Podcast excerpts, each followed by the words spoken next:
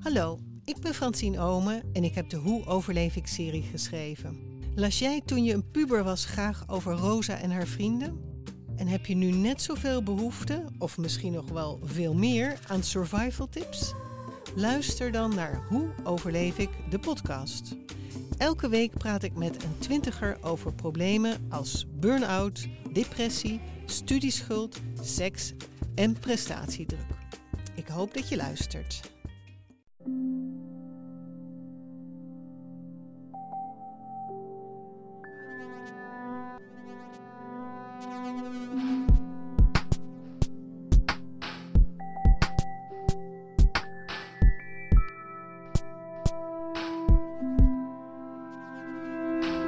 Hey, ik ben Pieter van Relaas.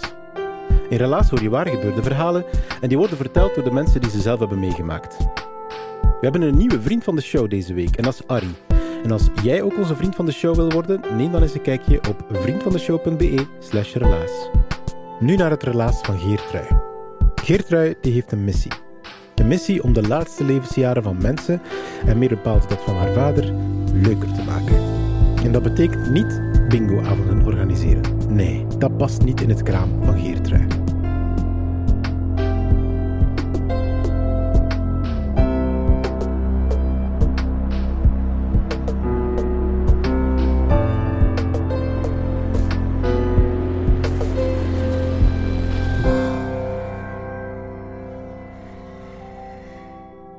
Ik heb een, uh, een fetish en uh, dat is een eigenlijk... Ik heb een fetish voor oude meten.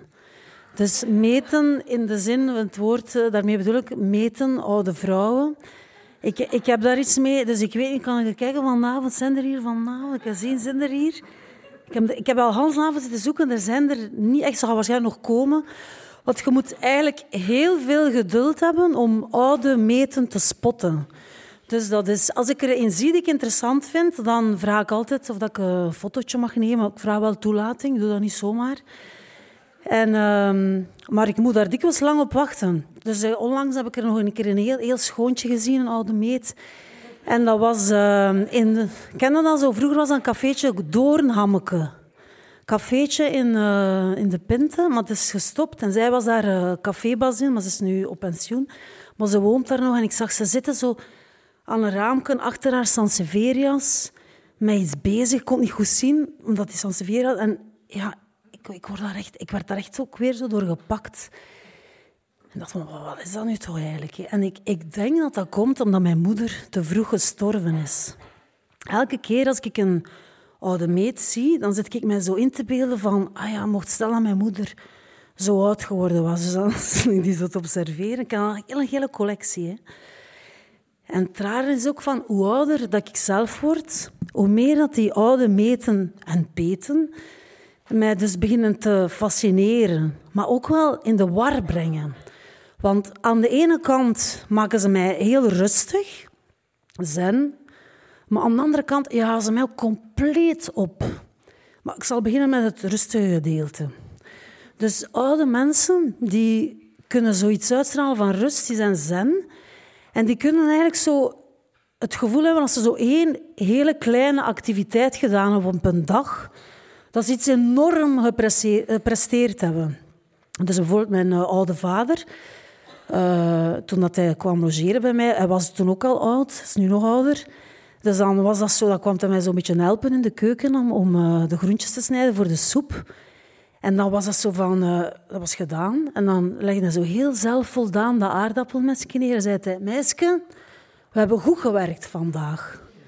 En ik vond dat super fascinerend, vooral als zelf een beetje ADHD'er, want ik kwam nu heel rustig voor deze vertelling. Ik zal al wat rapper worden. Dus als ADHD'er uh, dacht ik van, was dat nu toch mogelijk? Want mijn vader als midlifer was dat eigenlijk een opgedraaide zot altijd zo verschillende jobjes combineren, omdat hij niet kon stilzitten. Altijd ook verschillende vrouwen combineren, omdat hij moeilijk kon stilzitten. En ik dacht van, hoe komt dat nu toch dat hij met ouder worden zo kalm geworden is? En dus op een van die logeeravonden aan de open haard dacht ik, ik had hem een vragen. Hè. Ik zo vaker naar hoe komt dat nu toch dat je zoveel geduld hebt? Mijn vader heeft nogal graag aandacht en hij zei zo, kijk zo een naar mij. En dacht, hij dacht echt wel na zo. En dan komt er zo'n heel zelfvoldaan, een beetje documentairachtige, diepe voice-over stem. Zo, en zei van... Je moet daar geen zorgen over maken, meisje. Dat komt vanzelf. Bij mij is dat ook gebeurd. De jager in mij is gaan liggen. Voilà. En dus dat is het. Oude mensen, dat is eigenlijk gratis mindfulness. Dus zonder dure opleidingen of grote inspanningen. Dat, dus dat komt vanzelf. Dus zo simpel. Maar dus zo simpel is het eigenlijk niet. Hè, want ik heb het u al gezegd. Aan de andere kant jagen ze mij compleet op. En dat komt omdat, hoe rustig dat die ook mogen lijken, oude mensen kunnen ook ineens enorm doorschieten in ongeduld. En dat heeft heel vaak te maken met eten. Dat staat ons dus ook allemaal nog te wachten. Hè. Dus als mijn vader dus ook kwam logeren, ik weet, het ontbijt is voor hem zo de allerbelangrijkste maaltijd. Dus ik zo op naar de keuken voor dat... Ik, weet, wist allemaal zo, ja, een eitje, dan koffie met melk, weet het, ja. Dan boterham en dan, ja, dan de krant, want dan kon ik kruiswoord raadselen. En ik deed zo vrij mijn best om dat, om dat te laten vooruitgaan. Mijn vader deed ook wel, moest zijn, echt zijn best om te doen, omdat hij heel veel geduld had. Zo met dat kruiswoordraadsel ondertussen invullen en zo. Maar dan, ik heb er een klein attribuutje mee, ineens waren ze daar. Terwijl ik dat aan het brengen was, één en weer aan het crossen, ze de, die, de tikkende vingers. Dus terwijl ik één en weer aan het lopen was, altijd rapper en rapper. En voelde van, de, ik kan niet wachten. Ik, voordat ik mezelf kon zetten, had ik dus al drie boterhammen opgegeten. En dus volledig overstrest. En ik dacht, van, kijk, daar, daar stopt het dus. Het geduld stopt bij eten, bij oude mensen. Maar wij, wij gaan dat ook tegenkomen. Hè. Dus de oldies, dat zijn wij in spe. En dat is dus dat tweede stuk van dat ongeduld. Dus de, die onrust die ze mij geven, heeft ook te maken met zelfprojectie. Want ondertussen woont mijn vader in een rusthuis. Dat komt, hij kan eigenlijk niet meer stappen. Hij moet dus met een lift eh, geholpen worden op het toilet en zo. Dat klinkt, het klinkt allemaal triestig, maar hij maakt er echt wel echt beste van en zo. Maar toch, ja. Hé. En dan kijk ik naar hem en dan denk ik van, hoe is dat u eigenlijk voor u voor hier te wonen? Ik zit me dat dan van alles over af te, ik zit me dat in te beelden. Uh, ik ga ook heel veel op bezoek, maar ik denk, ja, als ik zelf een oude meet ben, zou ik dat ook wel appreciëren. Als mij veel komen bezoeken, dus ik ga ook veel naar hem. Dus dat geeft me al onrust. Ik ga zoveel mogelijk voor mij. Maar dan denk ik ook van, hoe doe jij dat hier eigenlijk? Want rusthuis, dat is superveel betutteling, maar enorm weinig humor. Hè? En... Uh, dus ik dacht van ja, ik moet daar iets aan doen. Dus ik, ik, ik raad daar super opgejaagd door van er elke keer te komen. En ik van ja, ik moet het nu doen, want nu kan ik het nog. Nu heb ik nog de energie, de ideeën en zo. Ik ben 30 jaar zit ik hier in, dezelfde, in diezelfde toestand. En dus ik, ja, effectief, ik ben dus in één keer in een kramp geschoten vlak voor corona. En ik dacht, ja, oké, wat is er nodig om betutteling te bestrijden? Humor is eigenlijk het beste middel tegen betutteling. Dus ik dacht, er moet hier comedy komen in de rusthuizen. Je moet daarmee beginnen gewoon. En ik ben dus keihard daarmee begonnen. Dus ik heb allerlei superprofessionele comedians bij mij geroepen. Echt waar, hè. Kamal, Vergadering. Uh, wie nog? Hè? Uh, Inge Pieter Preiteren, ook geïnteresseerd. Zoubizou, ze ging meedoen. Ze ging, maar wat was dat op? En toch een hele hoop andere comedians. En uh, vlak voor corona was dat, hè omdat ik dacht, ja, als er nu iets is tegen, dus dat we kunnen doen, is dat. Want plagen is om liefde vragen, maar ik vind plagen is ook echt een vorm van oh, serieus nemen. Bijvoorbeeld, ik zit me dat dan ook weer voor te stellen, dat ik daar zelf zit.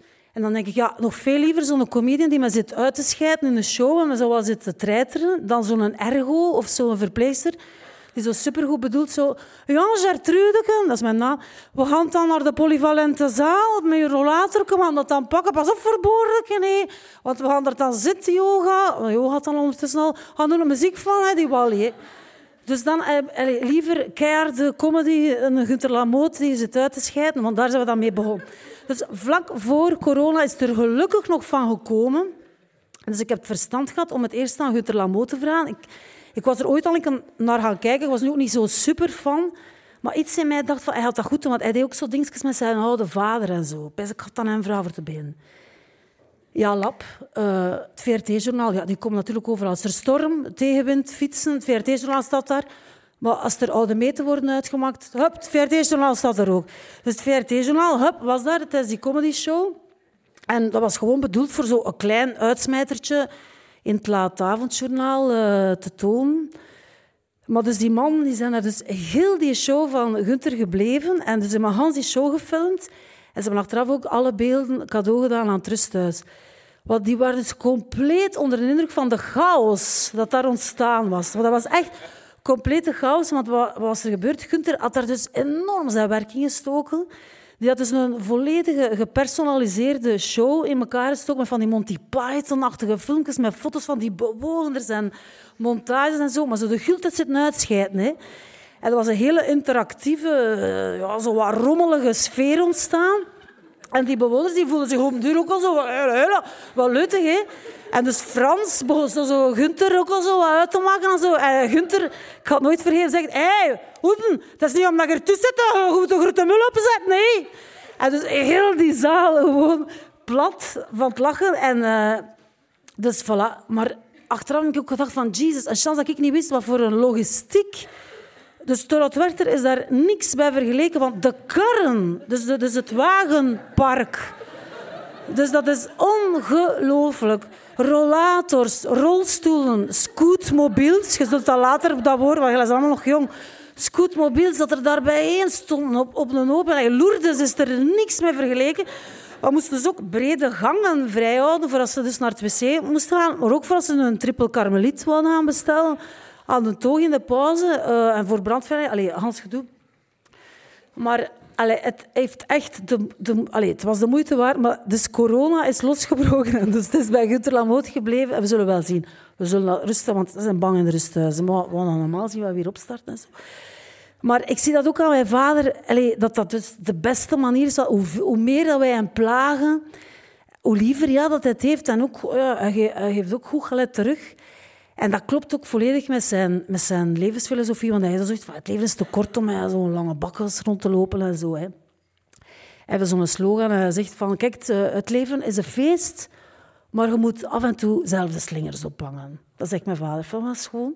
En dat was ook met die comedy, dat waren slingers. Want wat er vooral gebeurd was in dat rusthuis was dus dat die een baard dan al zo wat verduisterd, de cafetaria, je kent het wel, verduisterd, toch wat, wat, wat, allee, wat licht en zo, op en een projectiescherm, alles erop en eraan en zo. Een beetje piepende klank wel, hè. je kent dat. Hè. Eh, dat begin maar dat al goed gekregen, maar alles goed verlopen. En na, in de pauze en na die show, uh, al die generaties, want dat was het, dat waren verschillende generaties naartoe gekomen. Er waren zelfs niet alleen familieleden, maar ook zo mensen van een andere... Allee, van Gent, die dat dan... Wat was in West-Vlaanderen, dat voor Gunter Lamotte een ticketje hadden gekocht. Hè. En achteraf iedereen daar zo aan een bar staan drinken en doen. Dat was superleuk. En eigenlijk hadden ze zo even het gevoel van... Hé, je kunt dus van het rusthuis wel een soort cultureel centrum maken. was hier gewoon eigenlijk even de place to be. En dat was echt... Allee, dat gaf zo een beetje hoop voor mijzelf ook. Hè, verstaat? Also, want weet, de onrust maar dus die onrust is toch blijven woekeren. Maar ja, ik, kan al, weet, ik kan alle weken er naartoe en zo. En er zijn altijd maar grotere to-do-lijsten. Van, oh my god, ik moet dit rusthuis pimpen. Maar moet er like, nog superveel andere pimpen. Er moet nog echt zoveel gebeuren. Want dat die animatie moet veranderen, dat moet ik wel toegeven. Dat beginnen ze in veel rusthuizen stilletjes al wel door te hebben. Dat dat een beetje, ja, een beetje moet veranderen. Maar wat dat ze dus toch... Wat dat eigenlijk niemand echt goed door heeft, is dat we vooral vergeten zijn dat dat daar wat gewoner moest zijn. En dat daar dat ik ook heel opgejaagd van raak. Van. Ik denk, Jesus. Dus de afgelopen decennia zijn wij zo, zonder dat we het goed weten, compleet doorgeschoten in een soort overregularisatie van zorg en hygiëne. Ik wil daarmee zeggen, we zijn gewoon vergeten dat dat onze oude meten en peten zijn die daar wonen. Wij, ik ben 30 jaar, ik ben 50, mevrouw ben 70 Dus dat wij daar ook gaan zitten, maar ook nu de onze. Dus wonen, dat betekent die wonen daar, dus dat moet gewoon zijn. Ik wil daarmee zeggen, dat is toch niet nodig dat die kamers elke dag gekuist worden? We doen dat toch thuis ook niet, hè? Dus alle, alle keer als ik bij mijn vader op bezoek kom, is daar ook een andere kuisvrouw Super vriendelijk, daar gaat het niet over. Dat is allemaal tof. Allemaal verschil verschillende talen. Dat zijn heel, de enige lieve mensen die dat, dat willen doen ook. Dus alle keer is ze daar aan het kuisen. Maar als je dan bijvoorbeeld vraagt van... Uh, zou het mogelijk zijn om hier een klein microgolf dat je zelf gekocht hebt te plaatsen hier in, in de kamer? Dus van, precies of dat je daar heel die boel gaat in brand steken. Ja, dat is gewoon een beetje voor iets op te warmen of zo. Eh, dus ze reageren alsof dat heel dat rusthuis volop met pyromaan. Zo dat, kan, dat, dat is Ik heb hem uiteindelijk toch binnengesmokkeld, omdat ik, maak, pak dan pannenkoeken voor mijn vader. En ik kan er even op pannen in de microgolf. En, uh, maar ze zeggen, maar, ja, maar dat is niet nodig, want de bewoners worden elke dag bediend met warme maaltijden. Met nog zoiets, dat is ook niet normaal, dat is ook niet gewoon. Hè. Je wordt toch ook niet elke dag thuis bediend? Voor waar mogen die mensen die dat nog, niet, die dat nog altijd kunnen, niet een klein beetje meehelpen in die keuken om iets klaar te maken? En ik ben zeker als ik het zou vragen aan een hoop oude meten, ik zou, ik zou ja zijn. En zo zei van, zeg, uh, Janine, Gertrude, zou je als je zitten om mee te helpen met de jaarlijkse grote kuis, in ruil voor wat bonnetjes voor orval? Ah. Ah, er gaan er vrij veel ja zijn. Want als je voet in je handen pakt en een beetje kuist, dan zijn je thuis. Ergens, vind ik. Maar nu, overlaatst, heb ik ze dus weer al blijkbaar doen verschieten. ik dacht, is dat nu... Zeg, zou ik een keer mogen blijven logeren bij mijn vader? Logeren? Zeg, is, dat, is dat nu zo raar om zo een paar uh, logeerbedjes te voorzien? Oké, dat gaat op voorhand wel moeten reserveren, ik snap dat wel. Voor als je een keer een, een platte band hebt of zo. Of stel, het vriest. Of je hebt drie of vier orvals met je vader gedronken dat was niet mogelijk. Oké, ja, zaadje geplant, wie weet, hé, ooit. Maar bij zei, kom, kan al een keer iets doen, gewoon een kleine, allez, gewoon klein manoeuvre, zo, een beetje ontwrichten en zo. En dan ben ik met dus de camper van mijn, allez, samen met mijn vriend, zijn we dus op het rusthuisterrein hé, uh, gaan kamperen. Dat vonden ze dus werkelijk... Allez, we zijn in de nieuwsbrief terechtgekomen onmiddellijk. En dus uh, dat was heel plezant, want uh, s'avonds ben ik dus kunnen gaan cocoonen bij, bij mijn vader. Ondertussen zat mijn, mijn vriend, dat is zo niet echt een sociaal, zo la la in camper om te douchen. Zei, oh, helemaal naar uw vader. Het is het goed. Ik ga mijn vader gaan cocoonen. Maar morgens kon ik hem dan natuurlijk ook gaan aanbeteren tijdens het ontbijt. Hè. Dat wij alle twee te samen. Moet ik toch een doen met, die, met, de, met de tikkende vingers met ons twee, want we werden natuurlijk alle twee bediend tijdens het ontbijt. Hè. Maar dus, allez, ik vind dat raar, want logeren, dat is een beetje gelijk... Allez, ik, ik zou dat iedereen ook aanraden met zijn oude ouders. Als je bij iemand gaat logeren of gelaat ze bij je thuis logeren, dat hij vroeger bij mij deed, dan zijn ze zo weer zo een beetje thuis bij elkaar, zo gewoon. Eigenlijk, dat je weer zo als kind allez, samen bent. En ben ik van, allez, is dat nu zo raar? Maar ja, blijkbaar wel. En daar word ik dus opgejaagd van. Ik ben de hele tijd over bezig, over aan het denken. En, uh, en daarmee zou ik eigenlijk willen vanavond een oproep doen dat we dus allemaal stevig in gang schieten. Dus dat we daar eigenlijk massaal een aandachtspuntje van maken. Jullie zijn nog jong, maar pas op, het komt eraan. Hè? En uh, zodanig, want pas op, het tijd kan rap keren. Hè?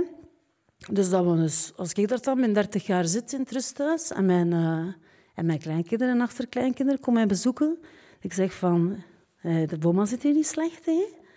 Ja, nog een beetje moeten wachten, zo een paar jaar moeten wachten. Zij dat hier ook kunnen uh, intrekken.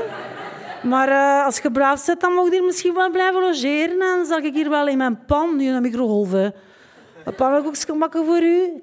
En, uh, en uw pa heeft precies toch ook wel goed zijn best gedaan. Want ja, wij zag ik hem een tracteren op mijn orvalzie. Want je weet, het is gelijk dat dat over, overgrootvader altijd zei. Het leven is een feest. Maar je moet af en toe zelf de slingers ophangen. Alsjeblieft.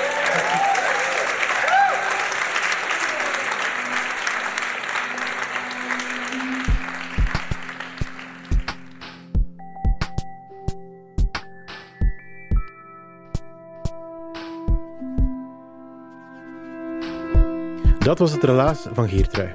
Ze heeft het verteld in Track Hostel in Gent in april van 2022 tussen de caravans, want dat is zo'n trekkershostel met een hele grote loods waarin allemaal kleine caravannetjes staan. Heel gezellig. Relaas is er dankzij een hele groep vrijwilligers in Gent, Antwerpen en Brugge. En we krijgen ook steun van de afdeling cultuur van de stad Gent en van de Vlaamse gemeenschap. En we krijgen ook steun van jullie, onze luisteraars. Jullie zijn nog altijd met meer dan 10.000 elke week en dat doet ons bijzonder veel deugd. En sommigen onder jullie, daarvoor hebben we een heel klein speciaal plaatsje in ons grote relaashart. Dat zijn onze vrienden van de show. Zij trakteren ons elke maand op een koffietje. En dat koffietje dat gaan wij dan drinken met onze toekomstige vertellers. Zodat wij hen kunnen helpen om hun verhaal te vormen. Vooral dat ze het aan jullie en op ons podium vertellen. Als je ook zelf vriend van de show wil worden en ons wil helpen, dat vinden wij fantastisch. Dan kan je dat doen op vriendvandeshow.be slash relaas. Dankjewel en tot de volgende relaas.